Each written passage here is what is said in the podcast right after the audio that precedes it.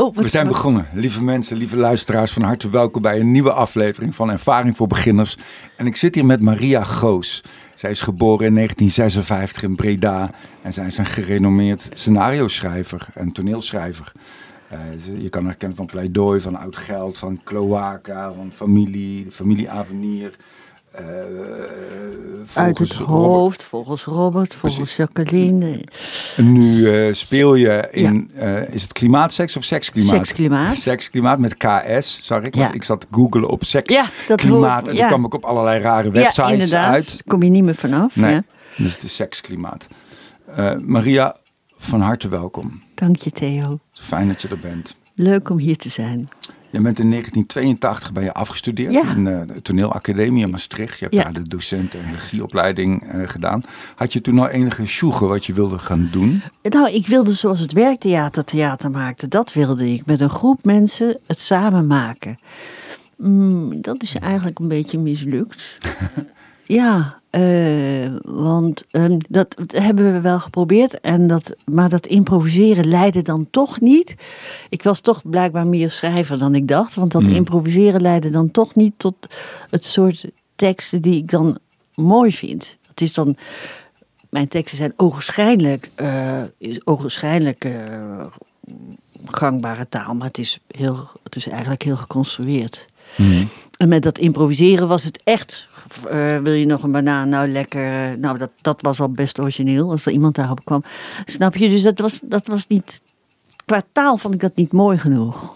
Want het is wel grappig meteen dat je dit nu vertelt. Want ik denk dat de meeste, of dat veel mensen denken dat tekst in, in, in een scenario of in een toneel, dat er eigenlijk, dat de taal is wat het is. Maar dat is vaak juist helemaal niet. Helemaal niet. Taal is denk ik net zo vaak iets om te verhullen als om te onthullen. Ja, ja dat is zeker zo.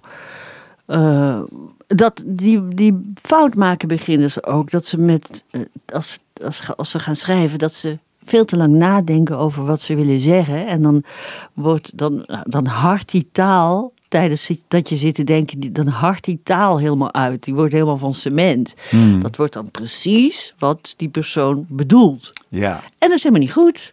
Want we lullen maar wat. We doen Ja. maar wat. We slaan er maar een slag naar. En dan spelen er ook nog allemaal invloeden. ehm, dat je moet wennen aan een nieuwe ruimte. En dat je onder de indruk bent van iemand, noem maar wat, hè Theo. En dat je dit en dat allemaal invloeden die bepalen wat, wat je zegt. Ja. Hoe je communiceert. Taal, is, taal wordt in die zin wel eens een beetje overschat. Het wordt veel gezien als eh, het ultieme middel tot communiceren. Maar dat, daar spelen zoveel andere dingen eh, eh, mee. Wat, eh, wat de commu- communicatie compleet maakt. Daar is taal eigenlijk maar een heel gemankeerd onderdeel van. En dat vind ik juist mooi. ja. Want waar gaat het dan bijvoorbeeld wel om in een scène? Wat iemand niet zegt. Ja. Dat is denk ik in jouw vak anders. Mhm. Mhm. Ja. Is het, jij, jij speelt meer met taal, hè? Ja, ja, je gebruikt, ja, maar ik gebruik taal ook juist om.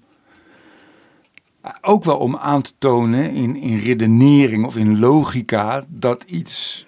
dat je er geen speld tussen kan krijgen, maar dat het eigenlijk niet klopt. Ja. Ik, ik laat ook juist zien dat je met taal van alles kan aantonen, maar dat het dan nog niet wil zeggen dat het, dat het waar is. Ja, dan heb je, ja, ja, dan, dan, dan ontleed je de taal eigenlijk. Dus ik neem die taal ook niet helemaal eh, serieus eigenlijk. Precies, precies. Ehm, en het verschil is met drama, denk ik, dat eh, eh, het altijd dan, dan, dan laat de taal vooral zien wat iemand wel zegt, maar wat hij eigenlijk niet bedoelt of wat hij eigenlijk niet. Je maakt gemankeerd, dat is het verschil, denk ik, met cabaret. Je maakt bewust gemankeerde karakters. Mhm. En, en als je in de zaal zit en ernaar kijkt, jij ziet dan, oh hij zegt nu, hij zegt ja, maar hij bedoelt eigenlijk nee. Eh, en als je, als je dat, dat is de bedoeling dat je het zo schrijft, eigenlijk, je maakt bewust, je, je bent het omgekeerde van een psychiater. Je maakt bewust, creëer je gemankeerde karakters en je geeft de mensen in de zaal, hebben daardoor de kans om eh, om te gaan analyseren, om zo'n karakter weer heel te maken. Ja. Om te zien waar, waar de mankementen zitten. En, dan, en dat, dat vind ik heel mooi van drama. Dat, dat, dat daardoor ontwikkelen mensen in de zaal ontwikkelen hun eh, invoelend vermogen, hun empathisch vermogen. Ze moeten zich, nou moeten niet, maar als ze, als ze al in de zaal zitten, dan zijn ze daar ook wel toe bereid. Om, om, om na te denken over wat is er met die mensen? Waarom doen ze? Want er is altijd iets met die Als Ja. er niks met die mensen is, dan is, dan is het Ja. ook geen leuk stuk. Ja. Ik vind het precies wat je nu uitlegt, precies vaak zo kwalijk aan eh, lelijke tv. Ja. Dat mensen dan heel vaak gaan kijken. Je hebt nou een programma dat, dat, dat heet Je huid ziet er niet uit. Of afschuwelijke lijven. Of dat soort dingen. Of hè, dat, dat je vaak een beetje onnozele, domme mensen eh, tentoonstelt. En dat het eigenlijk het enige effect is dat je denkt: oh, eh, maar mijn huid is beter. Of mijn lijf is beter. Of ik ben in ieder geval slimmer dan die persoon.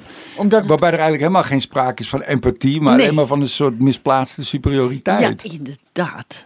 Inderdaad. Dat, of, of de empathie wordt verward met ehm, medelijden. Mhm.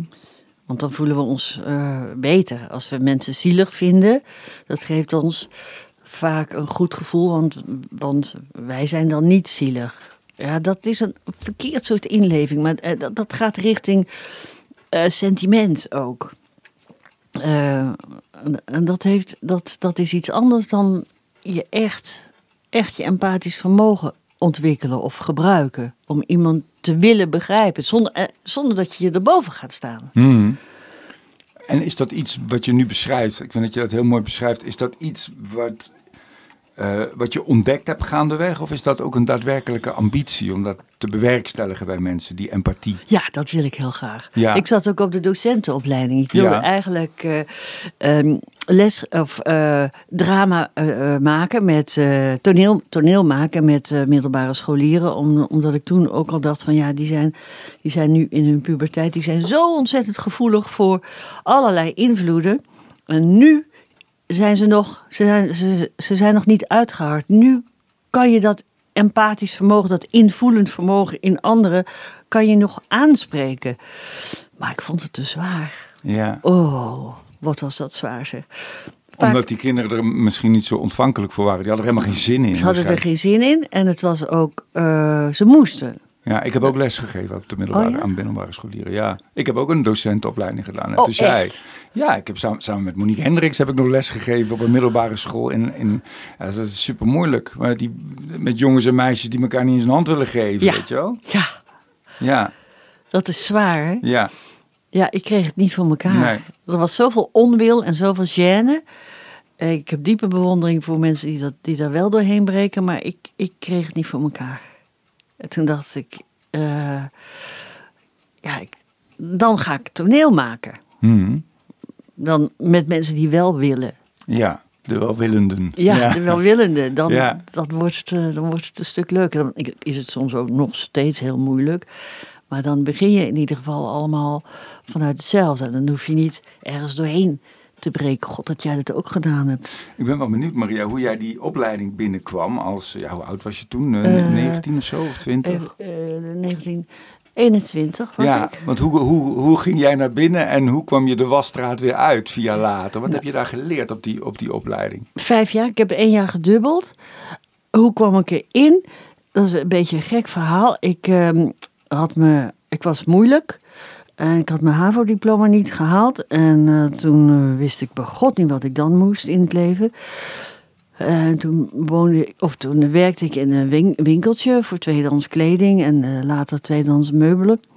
Eh, had ik ook nog een uitkering daarbij, dus ik had best veel geld. Ehm, maar ik wist het echt niet, joh.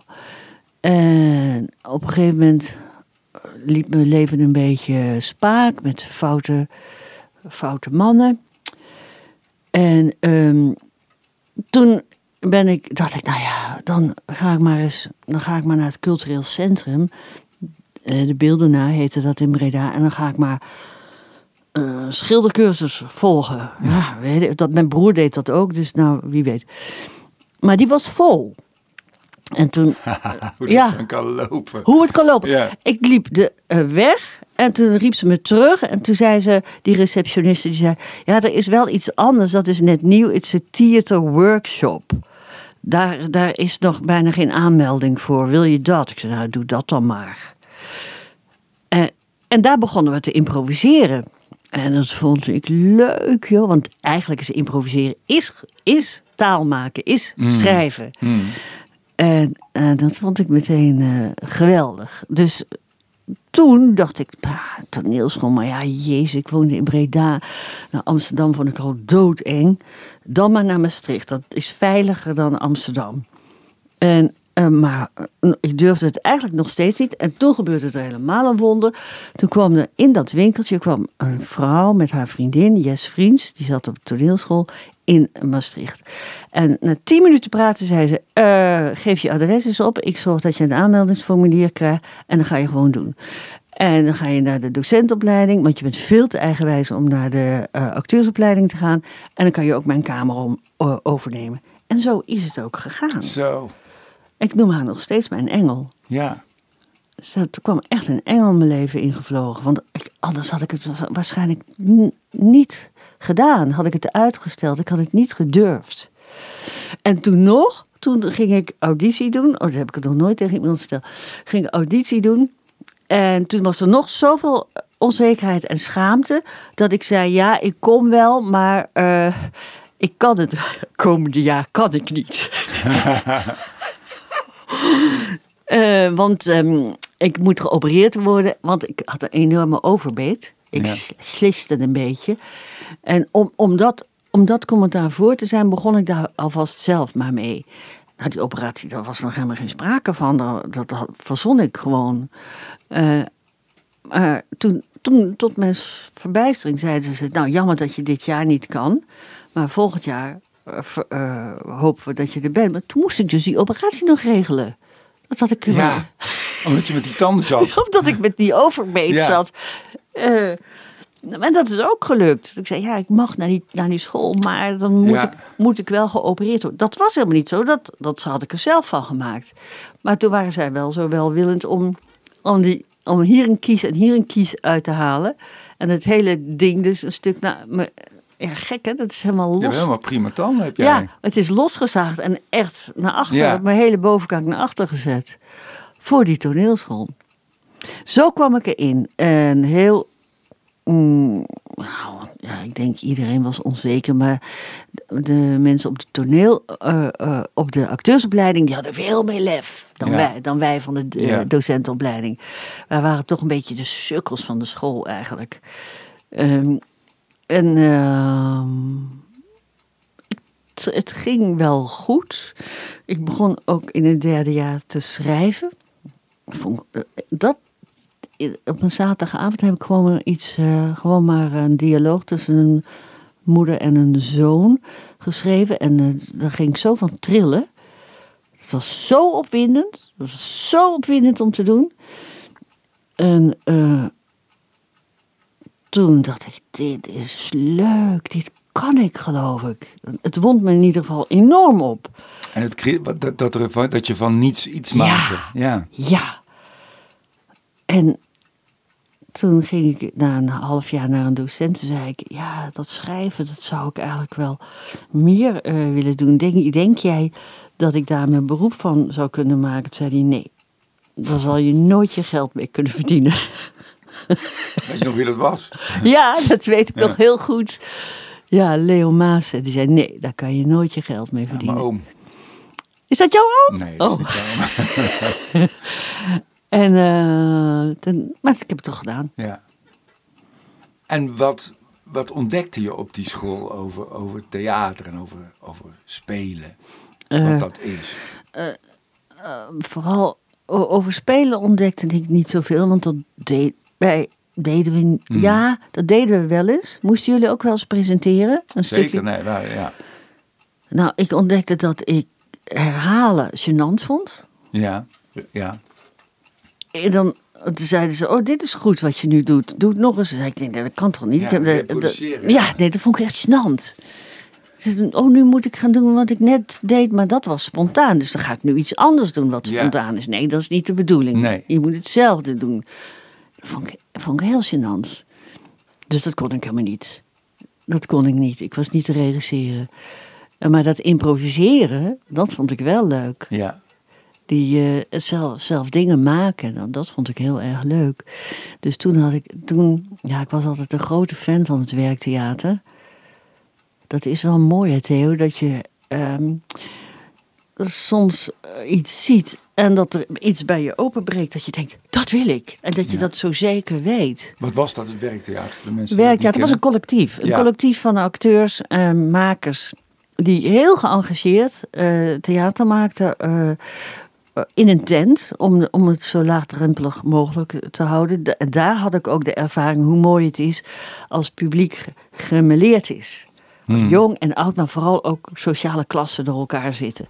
Dat was zo fantastisch. Dat gebeurt in het theater veel te weinig. Dat is altijd wel mijn streven geweest. Het is, wat ik maak is ook echt wel behoorlijk laagdrempelig. eh, zonder, eh, zonder dat ik het gevoel heb dat ik daar kwaliteit voor in moet leveren. Helemaal niet. Ehm, dus dat, dat wilde ik dan. Dat, maar ja, wat, wat ik je vertelde, dat, dat lukte toch niet. Nee. Maar ik denk als ik in Amsterdam had gezeten, eh, met, met acteurs van de acteursopleiding, die veel, die veel meer eh, makers waren, Ja, dan was het misschien wel gelukt. Maar ik had te maken met acteurs die heel klassiek waren opgeleid. En die waren vooral technisch erg goed als ze van school kwamen, maar die hadden nog nooit zelf iets gemaakt. Ja. Dat was bij ons in dat is een Maastricht vermaarde generatie toch ook? Met Ja. Gijs Schot van Ast gehad. En Ja, daar zat ik mee, woonde ik in één huis. En Peter Blok. En, Ja. Krutse ook. en Pierre. Ja, Ja, ja, wauw, ja. Ja, dat- daar ben ik allemaal mee afgestudeerd, ja. Dat was wel, eh, ja, dat wisten ze toen niet, maar dat was wel een goed jaar. Dat, dat is wat er ge- gebeurd is. En toen ben je, nou, toen kwam je in de, in de grote mensenwereld terecht. Ja, toen las ik een advertentie dat het werkloze theater eh, eh, een eh, regisseur zocht. Zelf maken over vrouwenwerkloosheid. Nou, dat was, me, en dat was in Amsterdam. En Peter Blok, waar ik toen verkering mee had, die studeerde ook al. Ik had expres een jaar verlengd, zodat ik met hem kon afstuderen. Toen gingen we samen naar Amsterdam. En toen ging hij naar wat centrum, wat eh eh eh, Bellevue, Theater Bellevue, had toen een eigen gezelschap. Centrum, zeg je dat nog eens? Zeker, ja. En die maakte Nederlands veel, heel veel Nederlandstalig nieuw repertoire. Wat nu niemand meer, die functie heeft niemand overgenomen. Eh, Ita maakt eigenlijk helemaal geen nieuw repertoire. Want die, ja, boeken, die verfilm, die Ja, maken toneel van boeken, boeken, maar ja. dat is geen repertoire. Dat is bijna niet te herhalen. En toen eh, mochten wij daar onze eerste kleine zaalproductie maken. Echt heel klein, hè? Het kleine zaaltje van Bellevue. Ja, 110 Ja, man. ja. ja. Ja, en dat hebben we toen op basis van, van improvisatie en van rol, eh, eh, rol, eh, rollenspel hebben we dat gedaan. Peter speelde een voetballer en Marieke van der Pol speelde een mannequin. Zij was ook mannequin geweest en hij had haar een avond ingehuurd. Hij had haar agent betaald voor een avondje leuk met z'n tweeën. Nou, dat ging natuurlijk helemaal mis. Dat was het eerste en dat ging hartstikke goed. Dat ging hartstikke goed. Maar toen mocht ik meteen naar de grote zaal van Bellevue en dat ging meteen hartstikke fout. Dat ging te snel. En wat ging daar fout? Wat is het verschil tussen een kleine zaal en een grote zaal? Wat moet je dan anders doen? Met die kleine zaal, het, de, de- er lag geen druk op, kon ons Nee, niet schelen. ja. En we hadden alle tijd. We deden het, eh, we deden het eh, bu- buiten hun, het gewone werk wat zij hadden. Zij, zij speelden alle twee bij het centrum.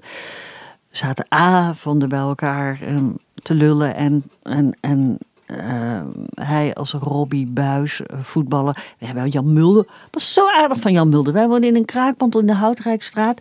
Echt Achenebisch buurt. En op de, via David Ent hadden wij eh, gevraagd of Jan Mulder eens met ons wilde praten. En die kwam. In, Om input te geven Ja, over de, en die kwam voetballer. is een rode sportwagentje de Houtrijkstraat ingescheurd. eh, in ons kraakpand. En dat, nou, ja, dat was ontzettend aardig van hem. Ontzettend leuk dat hij dat, had, dat, hij dat deed. Voor de input, ja. En zo spraken we met, met mannequins en zo. En, dat, en toen, wat er misging, was in die grote zaal dat we dat niet meer deden.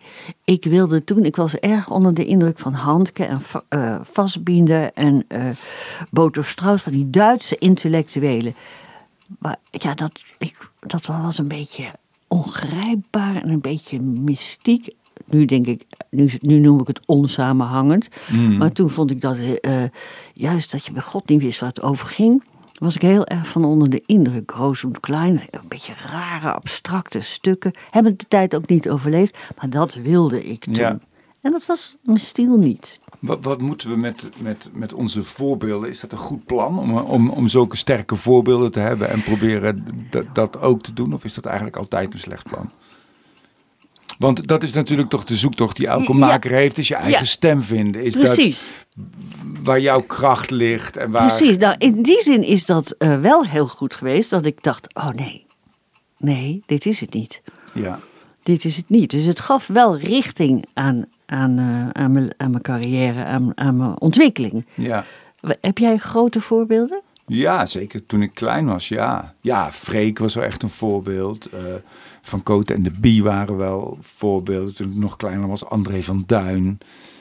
Eh, ja, ik, maar En deed je dat na? ja, André van Duin deed ik ook na, ja. maar ik, had- ik, had ook wel, ik had ook wel het idee dat toen ik een kindje was, dat je ook helemaal... Ik vond alles leuk wat grappig bedoeld was. Ik had helemaal geen smaak of zo. Dus alles wat zich qua aanbod aan humor vond ik geweldig. Ik vond Fast Monsieur bij wijze van spreken vond ik nog leuk. En mm, En nu, nu kijk ik wel dingen die, zijn er wel dingen die ik goed vind. Maar dat, dat, dat kan ik geen, ja, ik ben zelf een man van 55. Ik heb geen voorbeelden, nee. nee, verdwijnt dat? Ja, Ja, bij mij ook, ja. ja. Dat is ergens wel jammer, hè? Nee, ja, nee. Ik vind het wel gezond ook. Dat je, dat je op een gegeven moment your own man of your own woman bent. En eh, ah, dat zou een beetje raar zijn, toch? Ik weet het niet. Nou, het lijkt me ook wel. ik ben, je, bent, je bent toch gerijpt op een gegeven moment? Ja, misschien sta je er ook niet meer zo voor open. Heb je die ontvankelijkheid ook niet meer zo om te denken, dat is het, dat wil ik. Ja, misschien is dat ook zo. Maar is Maar- de bedoeling dat ik jou, mag ik jou ook dingen vragen in dit alles aan gesprek? mij vragen, tuurlijk. Maar eh, hoe heb jij dan je eigen stijl ontwikkeld? Ja, door te. Ja, ook door te doen. Door, door, ja, het is heel simpel wat dat betreft. Door veel. Door veel te doen. En wat misschien makkelijker is, is.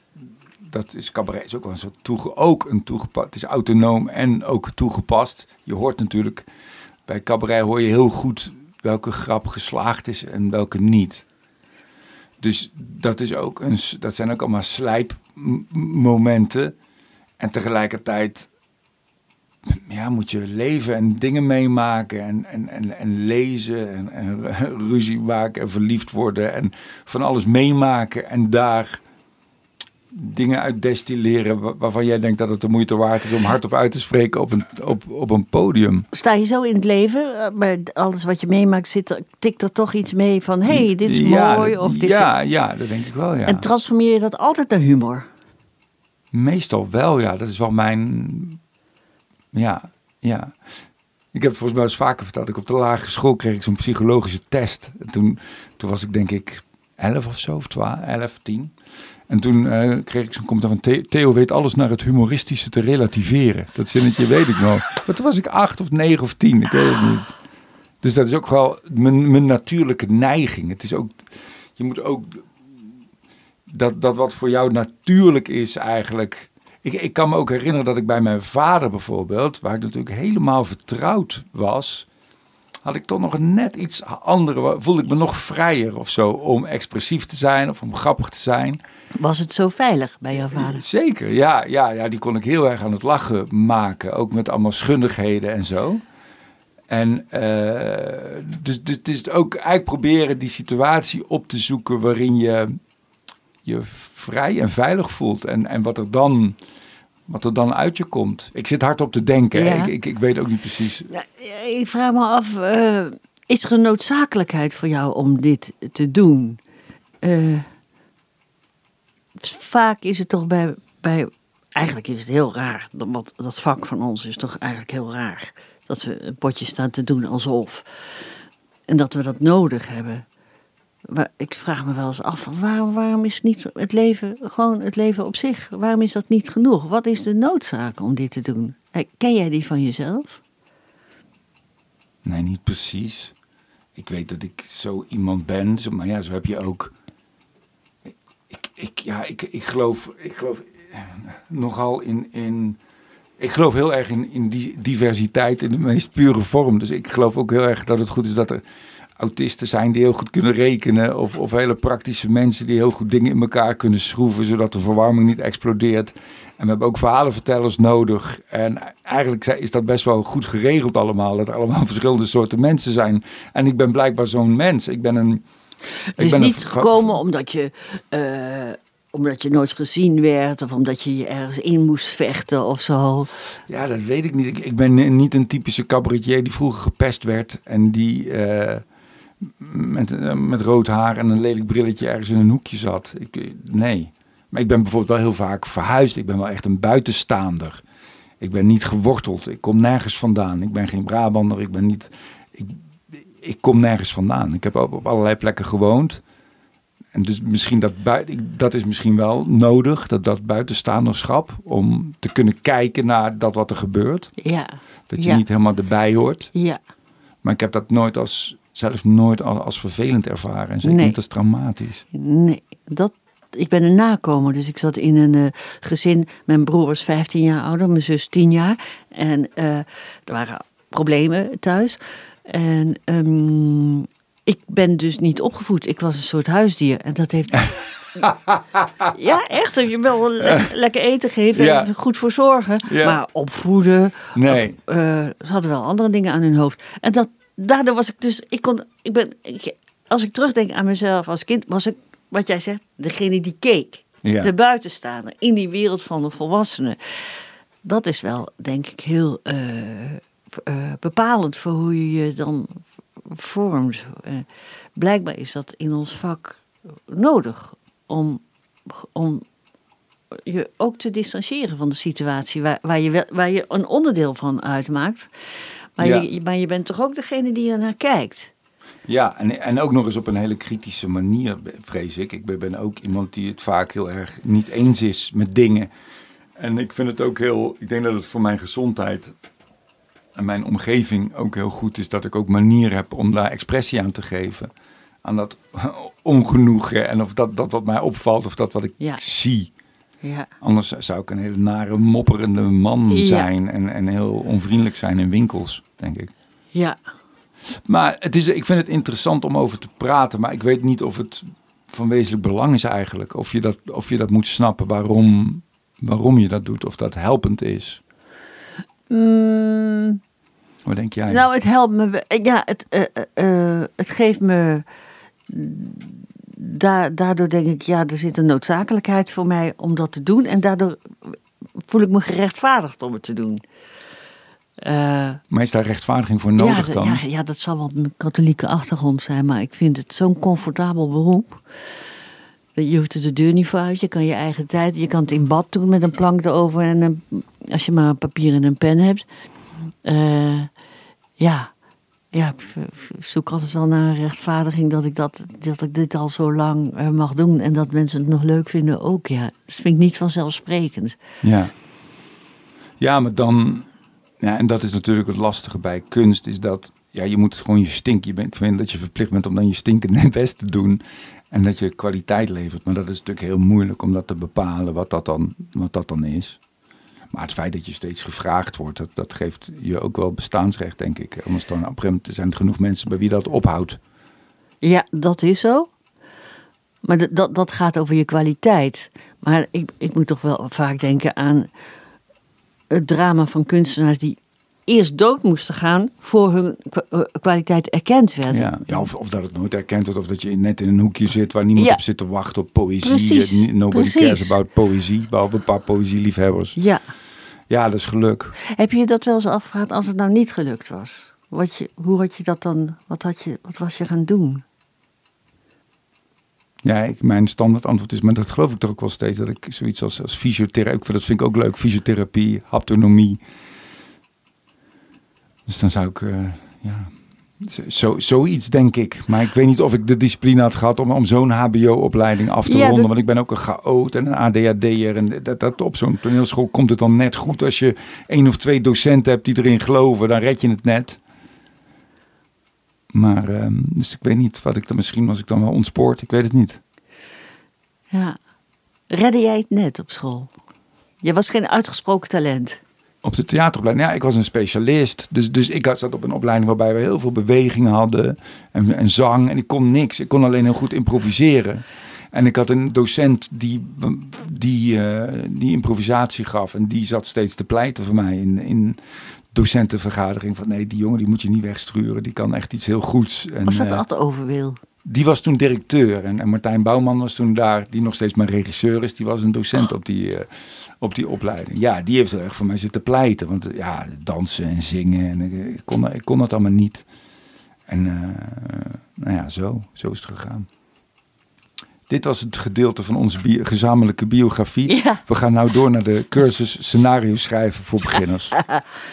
Het is, Ja. het is mooi geweest nou, met onze, met onze geweest. We persoonlijke weten verhalen. wie we zijn en waar we staan. Nou even doorpakken. Wat, wat is eigenlijk, want jij hebt dat waarschijnlijk ook wel eens, dat mensen naar jou toe komen en zeggen: Ik heb een idee voor een film, ik heb een idee voor een toneelstuk. Nooit goed. Het, het is, maar een idee op zich is natuurlijk nooit Is goed. niks. Want een idee, Boy Meets Girl, is ook nog, kan een fantastische film kan- worden. Dat vind ik nog best een goed Het- idee. ja, terwijl het, het maakt niet uit of het een cliché is. Het maakt Nee. niet uit of het de originele ideeën zijn nog veel linker. Het kan juist heel, iets heel gewoons zijn. Het gaat erom Ja. wat je er vervolgens mee doet. Ja. Waar, be- waar, waar begint het? Ja, waar begint het, hè? Als mensen... Het gebeurt inderdaad best vaak dat mensen zeggen... mag ik eens met je praten? Want ik heb zo- zo'n goed eh, idee. En dan vaak... ehm, in aanvang lijkt het ook best een goed idee. Maar bijvoorbeeld dat iemand zegt... mijn ouders hadden een hotel. Nou, dat vind ik al meteen leuk. Ja, Dan dan ga je meteen... eh, je ziet het eigenlijk allemaal al voor Ja. je, wat er zou kunnen. Nou, ga je met zo iemand praten, een wandelingetje maken. Eh, en die zegt dan, nou ja, er eh, waren wel eens mensen die eh, niet betaalden. En nou, nou, dan was mijn vader helemaal overstuur. En er waren mensen die in de wasbakken plasten. Nou, dat vond mijn moeder dan weer helemaal niet leuk. Dan denk je, ja, dat heeft dan op jou misschien als kind wel grote indruk gemaakt. Maar dit is geen verhaal. nee. Wanneer wordt iets wel een verhaal? Ja, wanneer wordt iets een verhaal? Hè? Als er tegenstrijdige belangen is altijd, is altijd goed. Dat is misschien wel zelfs een, noodzakelijkheid. Want ook Tsjechov, waar ik een groot bewonderaar van ben, die de mensen maar ogenschijnlijk wat aan liet lullen, hè? Hmm. eh, daar zaten toch altijd, er zat toch altijd wel een groot tegenstrijdig belang. Moet die kersentuin nou omgehakt worden of niet? Zoiets, zo'n, ja, gewoon zo'n plotlijntje heb je toch nodig. Ja. Alleen bij Smoeder bijvoorbeeld, wat ik met Marcel heb gemaakt, een toneelstuk over onze moeders. Mm, daar zaten we echt alleen maar anekdotisch te ouwe hoeren Ja. aan een tafeltje. Eh, en ja, ze gingen op het einde dood. We namen afscheid van ze en dan, dan moest iedereen huilen. Maar dat is eigenlijk het enige wat ik heb gemaakt zonder, zonder, zonder plot. Hmm. En maar ja, waarom dat dan wel lukt. Ik vind een plot een noodzakelijk kwaad. En, en een plot is, wat is een plot? Een ontwikkeling in, eh, in de gebeurtenissen. Ja, in een situatie. Ja, en in, Ja. Die, in die situatie moeten mensen tegenstrijdige belangen hebben. Frank Ketelaar is daar hartstikke goed in. Die schrijft Klem bijvoorbeeld. Die, Ja. die is daar ontzettend goed in. Die denkt ook plotmatig. Ja. Het is wel een opvallend verschil dat mannen dat veel, veel eerder doen dan vrouwen. Vrouwen denken vaak, vrouwenschrijvers denken vaak uit, eh, vanuit de karakters. Maar dat kan ook. Character driven, Ja. zoals dat heet. Ja. Ik, Ja. ik, ik ben er erg character-driven en die plot, die, eh, die flatser ik er wel bij. Maar dat is Ja. niet, eh, dat is niet oud geld. Die bank, het is goed dat Hugo Heijnen, die de editing deed, zei, tegen mij zei... ja, er moet wel iets op het, op het spel staan. Anders had ik dat waarschijnlijk zelf niet bedacht. Ja. En toen dacht ik aan King Lear, die, eh, van Shakespeare, die dat stuk begint met dat die zegt: Ik ga mijn rijk verdelen over, drie, over mijn drie eh, eh, dochters. Toen dacht ik: Oh, dat laat ik Splinter Bussink, de directeur van de Ja. bank, ook doen. Die bank houdt mij op en hij geeft zijn kinderen allemaal aandelen. Dan heb je eigenlijk al, dan begint er al. Eh, een, een soort conflict situatie te ontstaan. Want de ene wil dit met die aandelen en dat wil de ander niet. Succession is het ook. Succession. Ja. Ik, ik kan misschien wel tien series of films opzoeken wa- of opnoemen waarbij dat de plot is. Ja, Success- Succession, leuk dat je dat noemt. Mensen zeiden, moet je naar kijken, is zo geweldig. Ik heb het na twee afleveringen hield ik ermee op, omdat ik die mensen allemaal zo onaardig Allemaal vond. vervelende mensen. Ja, ik ben heel erg fan. Ik ben heel erg fan van de serie, maar ja. Ik dacht, dat ging me irriteren. Ik dacht, ja, zo kan ik het ook, zeg.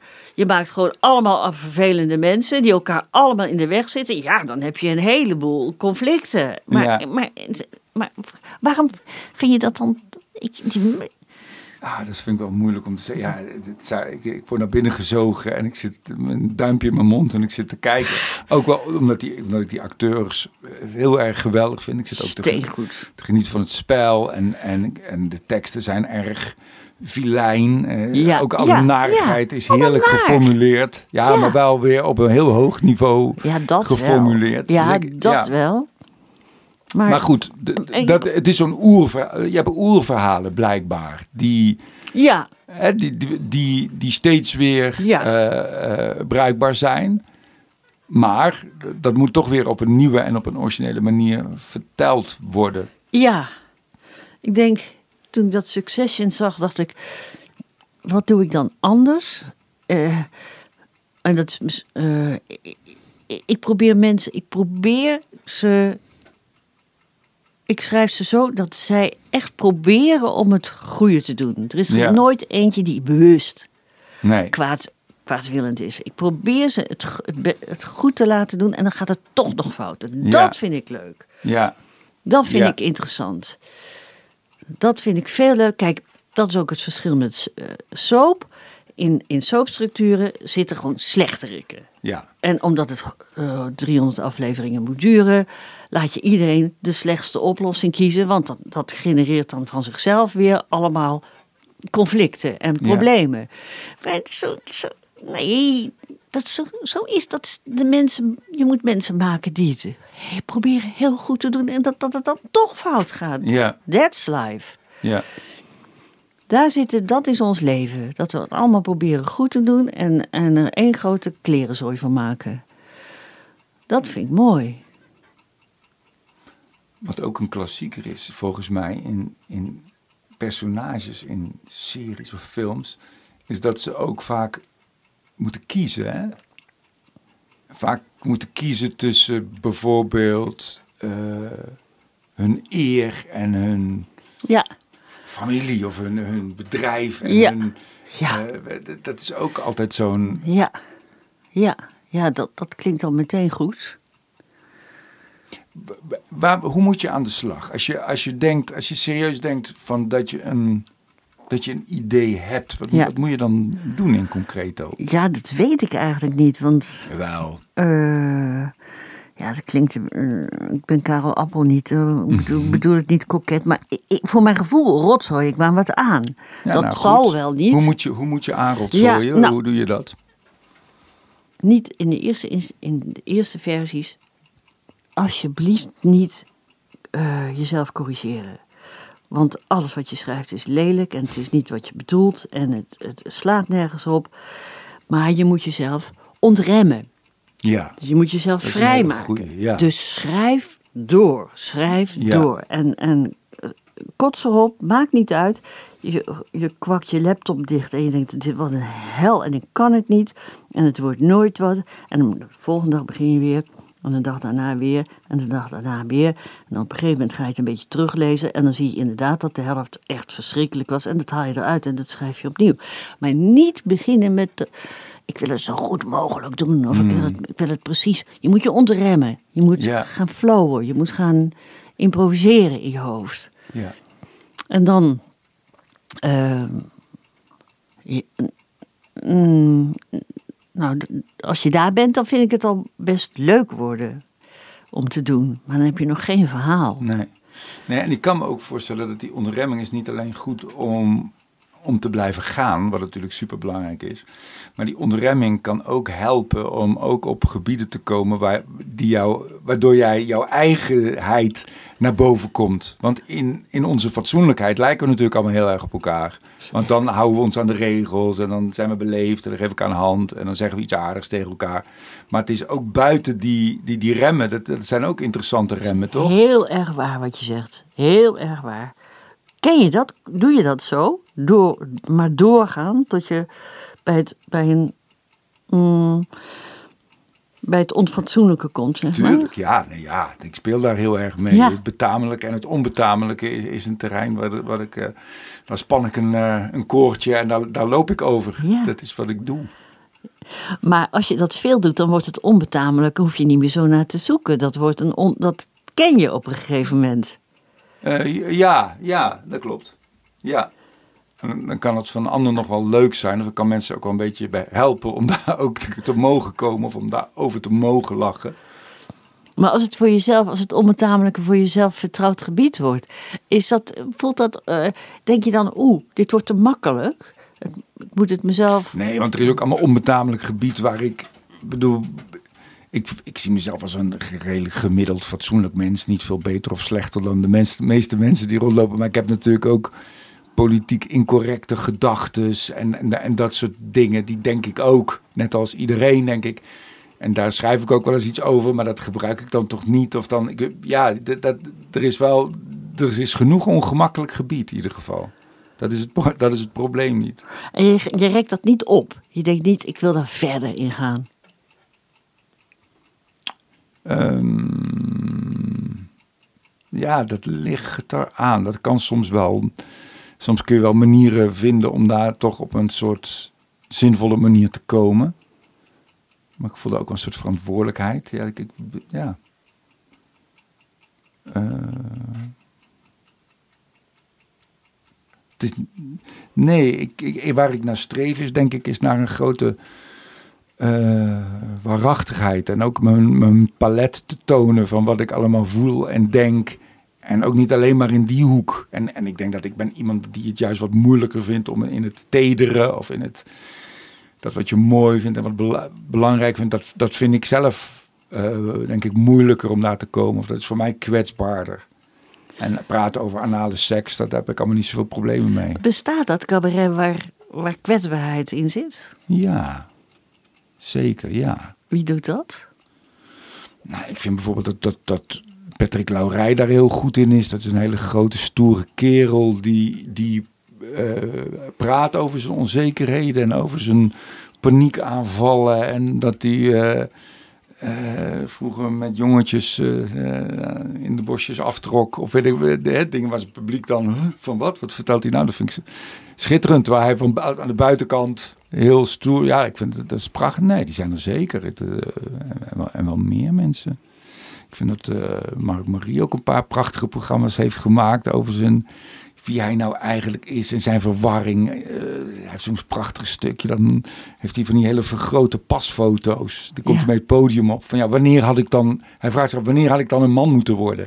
En dan laat hij die foto's zien van hoe hij eruit zag met zo'n vlassig snorretje en een capuchonnetje. En, eh, dus ja, nee, er zijn, geno- er zijn er genoeg, vind ik, die. En dat is ook mooi. Het moet ook contrast hebben, anders is het ook niks. Als het Nee. alleen maar schreeuwen is. Ja, het moet contrast hebben, ja. Maar die ontremming vind ik een Ja, hele mooie... ont- dat, dat, moet sowieso. Niet Ja. jezelf gaan zitten eh, eh, censureren. Dan wordt dat het komt niks. later wel, veel dat later. komt ja. later. Veel, veel later. Van sommige dingen maak ik wel 22 versies. En ja, wat En- een steeds leukere manier van, van maken vind, is met mensen. Ja, met Uit het hoofd voor Loes heb ik eh, gemaakt over haar jeugd. En dan zijn we twee weken naar Parijs gegaan. ja, En dan gingen we s ochtends ontbijten en dan pakte zij een breiwerkje. En ondertussen zat ze heel gedetailleerd haar jeugd te vertellen. Dat is allemaal opgeschreven. En smiddags gingen we leuke dingen doen. En, eh, dat, en ja, dan vind ik dat, dat vind ik dan toch wel. Vooral, zij, zij kan dat heel goed, want zij had niet Zij was heel gedetailleerd, maar heel eh, neutraal wat ja. ze vertelde. Niet geëmotioneerd. Nee. Nee, ja. Nee, want dan, dan dat, dat denken mensen dan. Als, Ja. als ze er zelf heel veel gevoel in leggen. Maar ja, dan hoef ik het niet meer te schrijven. Maar dit is ook een hele goede tip volgens mij. Dat mensen ook geneigd zijn. Dat is natuurlijk ook bij, bij, bij zangers is dat al een cliché bijna. Van dat je moet proberen het publiek te ontroeren en niet zelf ontroerd te zijn. En dat de precisie waarmee je iets vertelt of beschrijft, dat dat mm, en in die details, dat dat juist maakt dat iets ook beeldend wordt voor het publiek. Want dat Ja. probeer je. Je probeert beelden op te roepen. Ja. Dus Ja, dat kan ook. Want er is denk ik ook een tweede fase. We hebben die eerste fase van ontremming, Ontremming, eigenlijk. ontremming, die is ja. heel goed. En maar die kwam dus in het geval van als ik met iemand samenwerk, zoals met Loes, die heel objectief, heel feitelijk haar leven vertelt. En dan mag ik het laten, dan mag ik het inkleuren. Ja. En dan eh, niet met emotie, wat ik erbij voel, dat, dat is niet interessant. Ja, het is in die zin interessant. Als ik er een vorm aan kan geven die niks over mij zegt, maar over het leven van Loes. Dus dan maak ik een hele schattige, lieve opoe. Ja. Een Rotterdamse opoe. Die, Ja. die, die staat dan voor, voor mij voor haar houvast in het leven. Ja. Waardoor het goed is gekomen met haar le- Zij- De, de, de, de, de feiten zijn dat ze een zware jeugd had gehad. eh, maar dan moet ik iemand, ik moet, er moet hoop in zitten. En Ja. zo'n opoe gaat dan voor de hoop staan. Vind ik ook een heel mooi, eigenlijk bijna een mooie tip of een mooie les, is dat dat wat je schrijft ook helemaal niet waarachtig hoeft te zijn. Het hoeft niet zo te zijn zoals je het hebt meegemaakt of zoals je er echt over denkt. Liever niet. Nee, het, het kunnen abstracties zijn of het kan een, ja, precies wat jij zegt, dat staat dan voor hou Ja. vast of iets staat voor, Ja. voor, voor, voor wat dan ook. Ja. Dus daar ook in dat gebied is een ontremming helemaal prima. Je Ja. kan fantaseren, je kan liegen, je kan, je kan alle kanten op. dat moet je, die vrijheid moet je jezelf echt gunnen. En je had het net over eh, eh, klassieke verhalen, maar er zijn ook klassieke emoties. Eh, hoop, eh, verraad, eh, hou vast. Iemand die, die een engel in je leven. Iemand die je net de goede kant op duwt. Daar herkent iedereen zich in. Ja. En dan kan het verhaal nog zo specifiek zijn. Zoals in het geval van Loes. Dat is een hele specifiek. Niemand heeft zo'n jeugd gehad. ook Loes Luca gaat ja, over. Loes Luca. In een film uit het, eh, het stuk uit het hoofd. Dat is zo specifiek. Maar als je dan dat soort universele ehm, thema's als hoop en hou vast en, en, eh, eh, en eh, troost en verzet. eh, ehm, als je dat erin doet, dan, dan, dan maakt iedereen er weer zijn eigen verhaal van. Dan, dan open je, dan open je naar, naar mensen. Een geweldig boek om te lezen. Ik, ik weet niet of ik nou nog de goede titel heb. Van Joseph Campbell, heb je die gelezen? De, de reis van de held. Ik weet niet of die zo heet. Maar dat gaat uit. Dat is eigenlijk de hele klassieke structuur van een verhaal. En een verhaal is een reis. En op die reis heb je obstakels. Je hebt klassieke obstakels. Ja. Van mensen of, of fenomenen die het jou moeilijk maken. Ja, En je hebt begeleiders die je de weg wijzen even. Ja, Of die, ja, eh, ja, dat is een heel interessant ja. boek om te lezen. ja, ja dat, dat- snap ik heel goed, ja. Ik, ik wil graag naar het volgende punt. Je, hebt, je bent ontremd, Ja. wat ik een superleuk woord vind. Je hebt een hoop, eh, je hebt een hoop, hoop tekst. Ja. En dan komt, dat herken ik ook, op moment komt het moment dat je eigenlijk gaat kijken van wat heb ik nou, wat heb ik nou? nou eigenlijk geproduceerd? Wat is het nou? Ja, Het is een hoop lettertjes achter elkaar. En eh, hier en daar is het leuk. En, ehm, maar het heeft nog geen structuur. In Nee. mijn geval, hè? Ja. Je, kan ook, je kan ook beginnen vanuit de structuur. En, en dan. ehm, het nadeel is als je begint vanuit de structuur dat, het, dat er soms voorspelbaarheid in sluipt.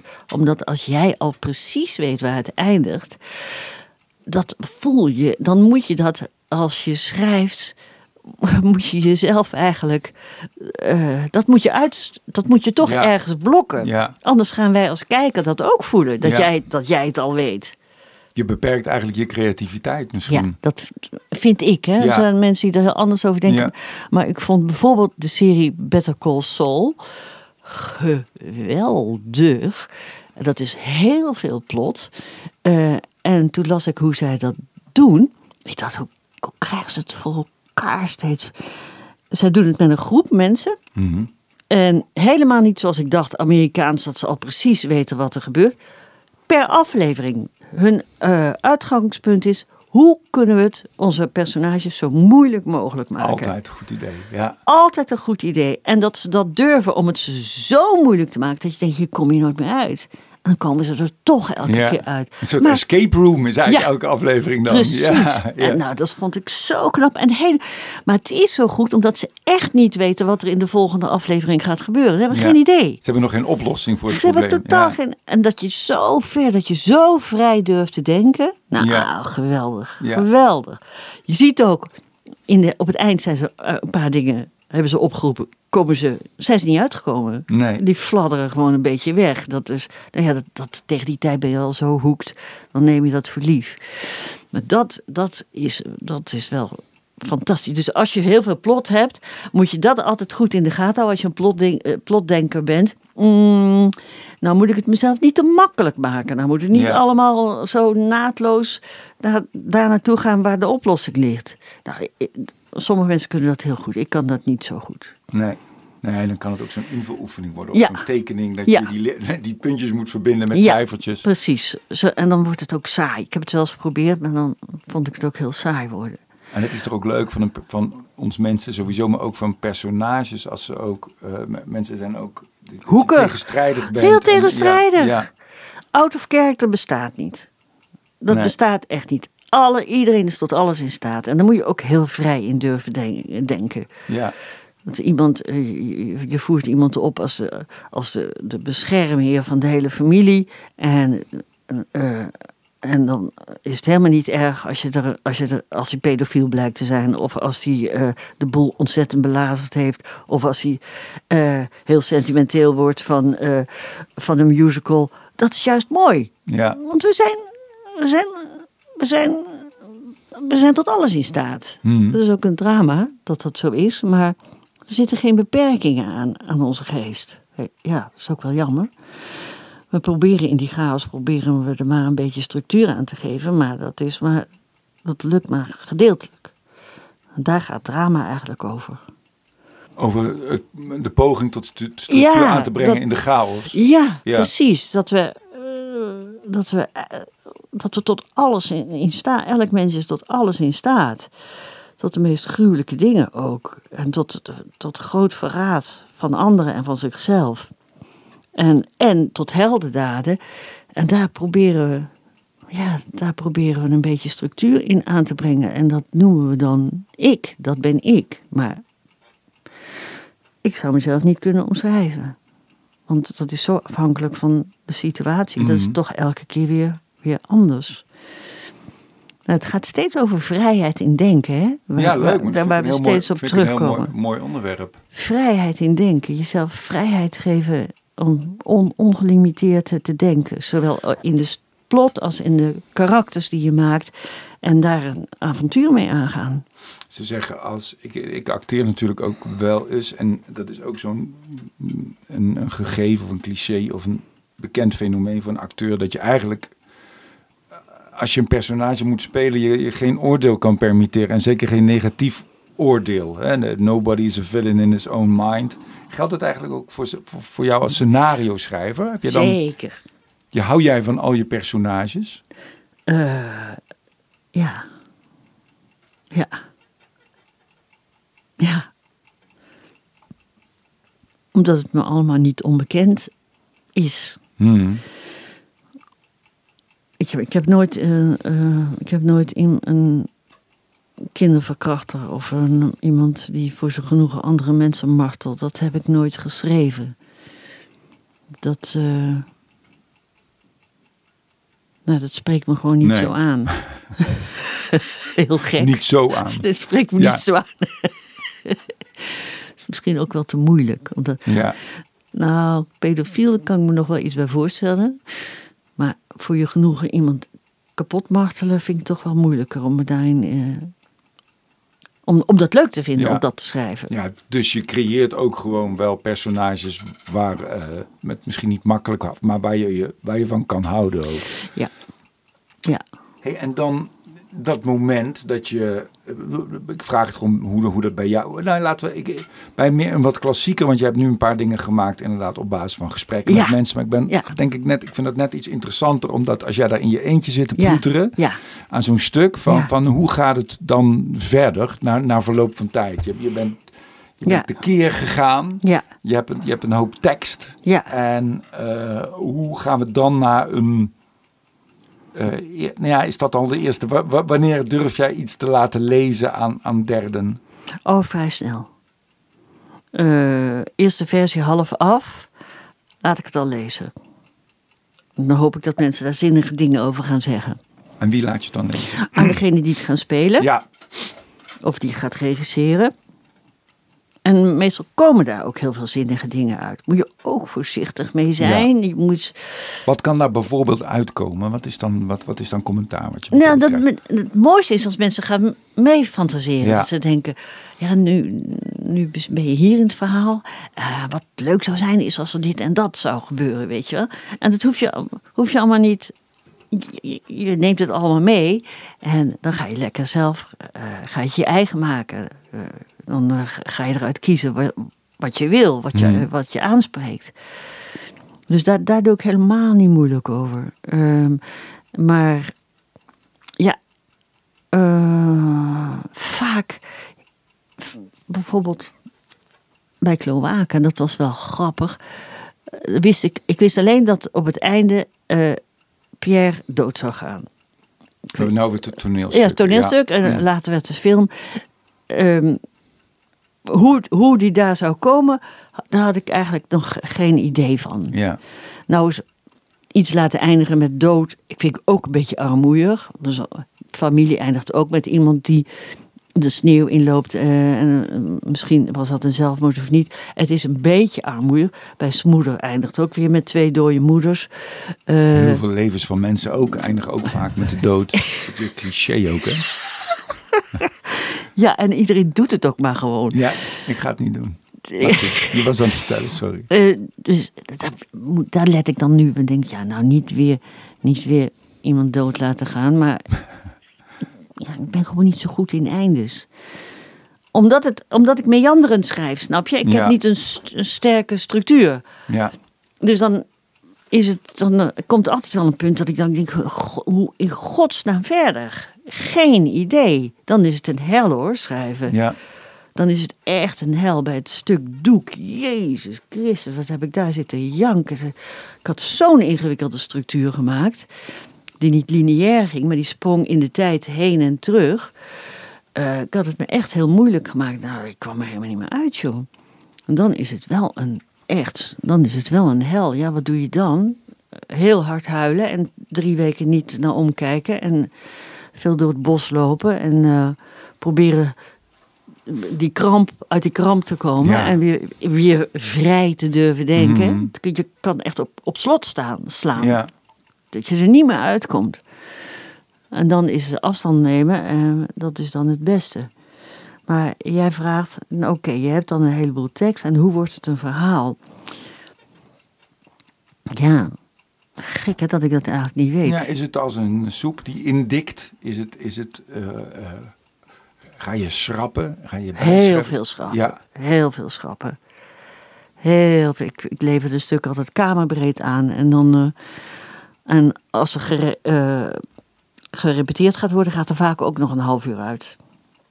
Dus inderdaad indikken, ja. ja, Inderdaad indikken. En als je werkt met mensen die je vertrouwt, moet je ook die, moet je ook die ruimte moet je ze gunnen ja. moet je ook voor openstaan. Van dat het beter wordt. Al die darlings eruit, al die Ja. darlings eruit. Dus inderdaad, wat je zegt, lekker indikken, ja. Soms kan een acteur ook zeggen, maar dit kan ik spelen, dit hoef ik niet te zeggen. Of weet Eh, jij dat al? Ja, dat, daar, dat, daar anticipeer ik altijd Ja. op. Ja. Maar omdat ik zo van taal hou, is ieder, elk personage is in aanvang zeer breedsprakig. Ja, op, opvallend breedsprakig. Opvallend breedsprakig. Ja. Dus dat moet wel dan Ja. enorm ingedikt worden. Maar hoe het verhaal zich ontwikkelt. ehm, ja, gek dat ik daar geen antwoord op heb. Eh, Nou ja, ik kan me voorstellen dat je op, maar ik, ik wil je niks aan Nou, maar dat je op een gegeven moment eigenlijk ontdekt, want je hebt vaak een, ik weet niet wat het startschot is, maar die, op een of andere manier eh, ga, ga je aan de slag. En dat je op een gegeven moment misschien ontdekt, ja maar wacht eens, dit, gaat, dit gaat, stuk gaat over verlatingsangst. Dat had ik zelf niet eens helemaal door, maar daar gaat het eigenlijk over. En dat je dan met dat thema in je hoofd opnieuw gaat lezen en dat dan helder wordt wat de stukken zijn die echt overeind moeten blijven en wat weg kan. Maar dat weet ik niet. Nou, nu, nu het zegt, denk ik, heb ik nee, thematisch ben ik nooit, heb ik nooit gehad. Het gaat eigenlijk daar en daar over. Maar het is wel zo, het gaat weer over vrijheid, ehm, dat ik, mijn karakters geef ik zo groot mogelijke autonomie.